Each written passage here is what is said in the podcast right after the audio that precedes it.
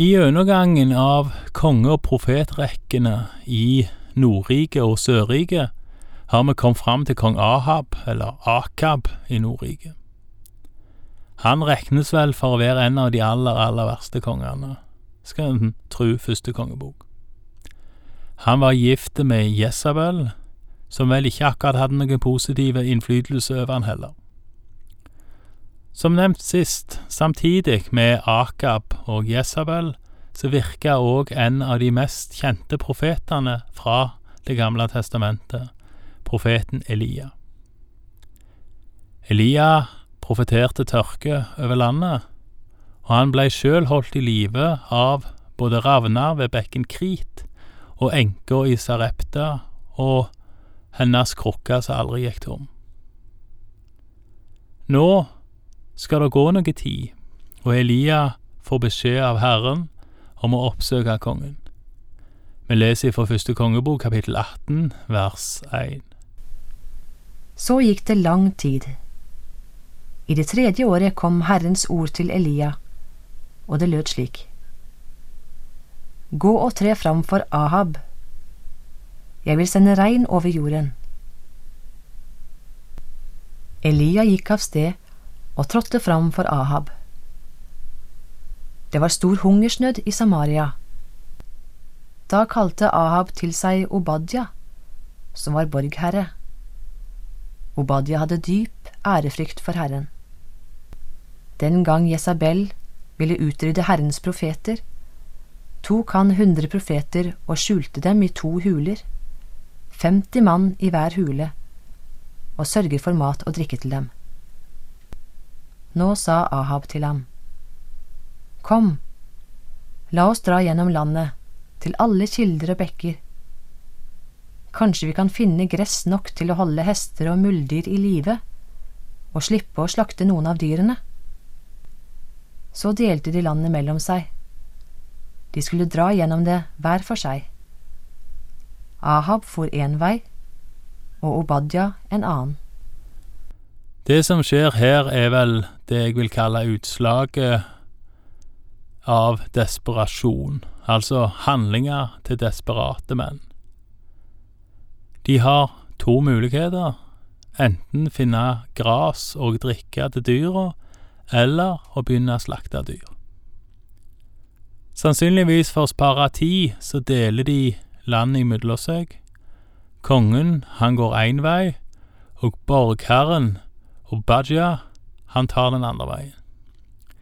I tidligere oversettelser står det ikke borgherren, men slottshøvdingen. Og Bajia var som det står gudfryktig. Han frykta Gud, og han hadde faktisk gjemt unna hundre profeter og holdt mat til dem når Jesabel var ute etter å drepe dem. Vi leser videre fra vers sju. Mens Obadja var på veien, fikk han med ett se Elia som kom imot ham. Obadja gjenkjente ham, kastet seg ned med ansiktet mot jorden og sa, Er det virkelig deg, min herre Elia? Han svarte, Ja, det er meg. Gå og si til din herre at Elia er her. Men Obadja sa, Hvilken synd har jeg gjort, siden du gir din tjener i hendene på Ahab og lar ham drepe meg? Så sant Herren din Gud lever, det finnes ikke det folk eller rike som min herre ikke har sendt bud til for å spørre etter deg. Når de så sa, Han er ikke her, lot han disse riker og folk sverge på at de ikke kunne finne deg. Og nå sier du at jeg skal gå og fortelle min herre at Elia er her. Når jeg nå går fra deg, rykker Herrens ånd deg bort til et sted som jeg ikke vet om. Kommer jeg så og forteller dette til Ahab, og han ikke finner deg, dreper han meg. Og jeg, din tjener, har da fryktet Herren helt fra ungdommen av. Har ingen fortalt deg, Herre, hva jeg gjorde den gang Jesabel drepte Herrens profeter? Da skjulte jeg dem, hundre i tallet, femti mann i hver hule, og sørger for mat og drikke til dem. Og nå sier du at jeg skal gå og fortelle min herre at Elia er her. Da dreper han meg. Da sa Elia, Så sant hærskarenes herre lever, han som jeg tjener, i dag vil jeg tre fram for kongen. Obadja oppsøkte Ahab og fortalte ham dette. Ahab gikk så for å møte Elia. Det kan virke noe rart eller løye at uh, Obadja blir så redd når han nå treffer Elia.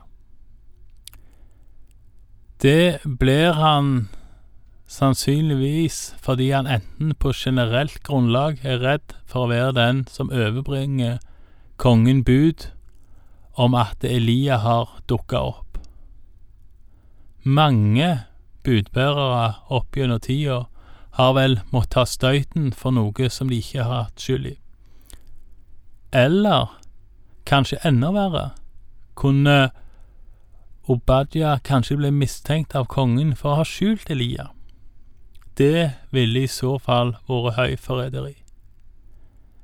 Elia betrygger Obadja at han skal tre fram for kongen samme dag, så ikke Obadja må ta støyten. Vi leser videre fra vers 17. Med det samme Ahab fikk se Elias, sa han, Nå, der er du, du som fører ulykke over Israel. Elias svarte, Det er ikke jeg som fører ulykke over Israel, men du og din fars hus. For dere har forlatt Herrens bud og fulgt Baal-gudene. Her sier Elia noe veldig viktig, og det kan trekkes paralleller tilbake til frykten Obadja nettopp hadde. Obadja ville ikke gå med et dårlig budskap til kongen fordi han frykta konsekvensene for seg sjøl. Elia kan nok ha frykta det samme, men han går likevel med et dårlig budskap til kongen. Og der er det en viktig likhet imellom Obadja og Elia. Begge er kun budbærere. Det er konflikten imellom kongen og Gud som er skyld i at det ikke regner, ikke noe mellom kongen og Elia, sjøl om kongen altså da ser ut til å mene det. Her har kanskje vi som kristne i dag òg noe å lære. Det er viktig at vi ikke setter oss i Guds sted og gjør oss til dommere over andre. Det er feil. Men det er òg viktig at hvis vi bærer fram Guds ord, og noen ikke liker det, at vi da ikke godtar at konflikten skal være imellom oss og de. La oss holde fast på at hvis det er Gud som skal dømme, og vi ikke skal være dommere, så skal vi heller ikke få skylda for at noen opplever seg dømt.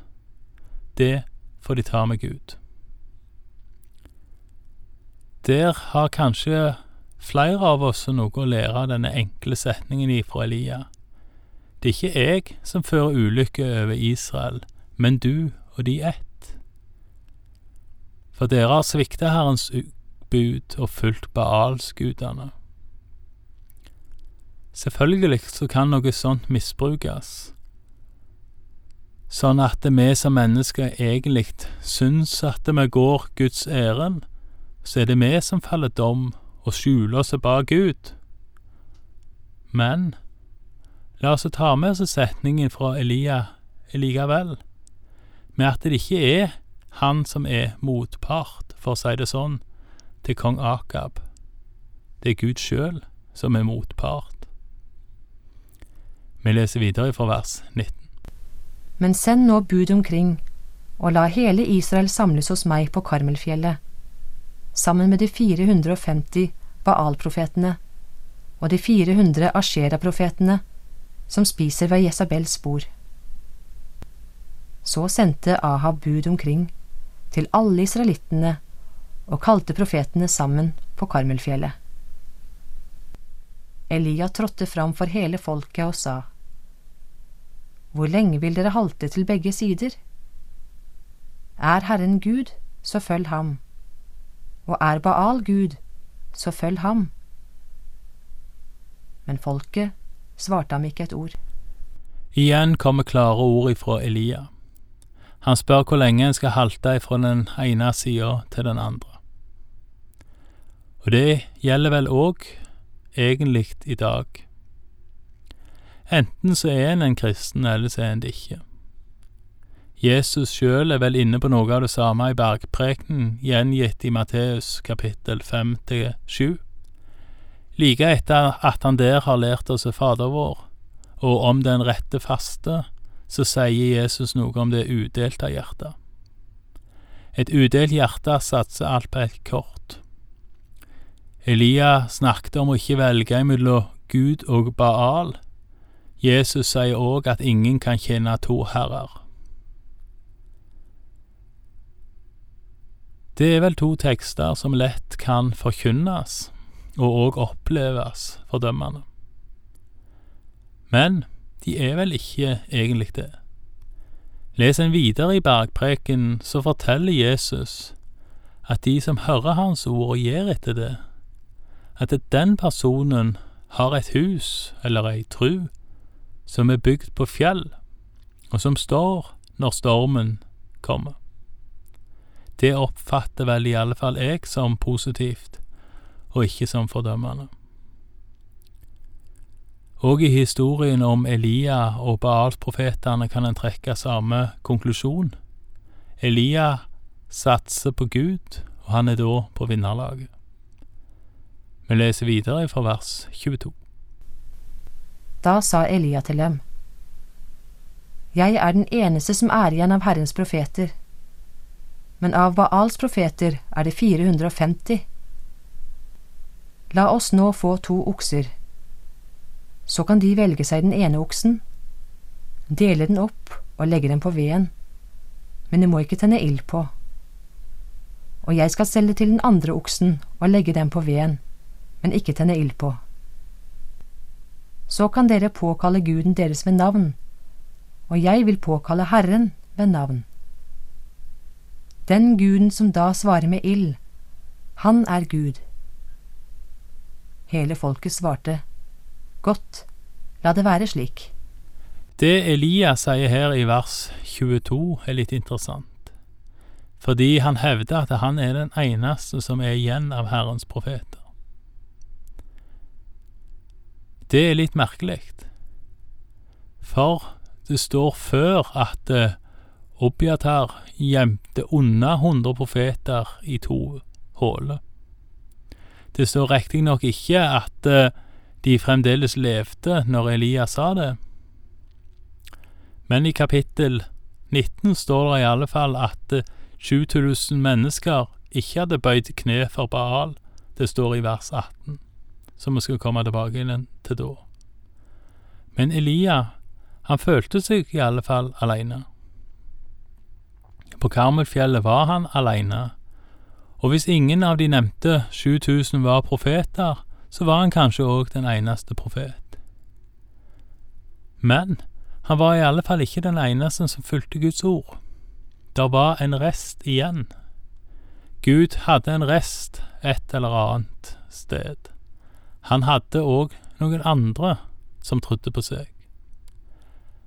Det kan være ei trøst, håper jeg, for deg som opplever å være aleine. Kanskje er du den eneste på skolen, på jobben, i gjengen din, i familien din, som tror. Kanskje kjenner du ingen andre som tror, og tenker du er heilt aleine. Kanskje kan det da for deg være ei trøst at Elia òg hadde det sånn, og at det faktisk ikke var riktig. Gud hadde da òg en rest, noen andre. Han hadde òg noen andre som trodde, noen andre som fulgte han, som riktignok hadde gjemt seg og ikke gjort så mye av seg, men uansett så hadde han noen andre. Kanskje har han òg noen andre sånne i din nærhet, og kanskje kan han vise de til deg. Elia, han har kalt til kamp egentlig ikke imellom seg sjøl og 450 profeter, men imellom Gud og Baal. Den guden som hører på bønnene og svarer, den guden vinner. Det kommer vi tilbake igjen til seinere. Takk for i dag, og Herren være med deg.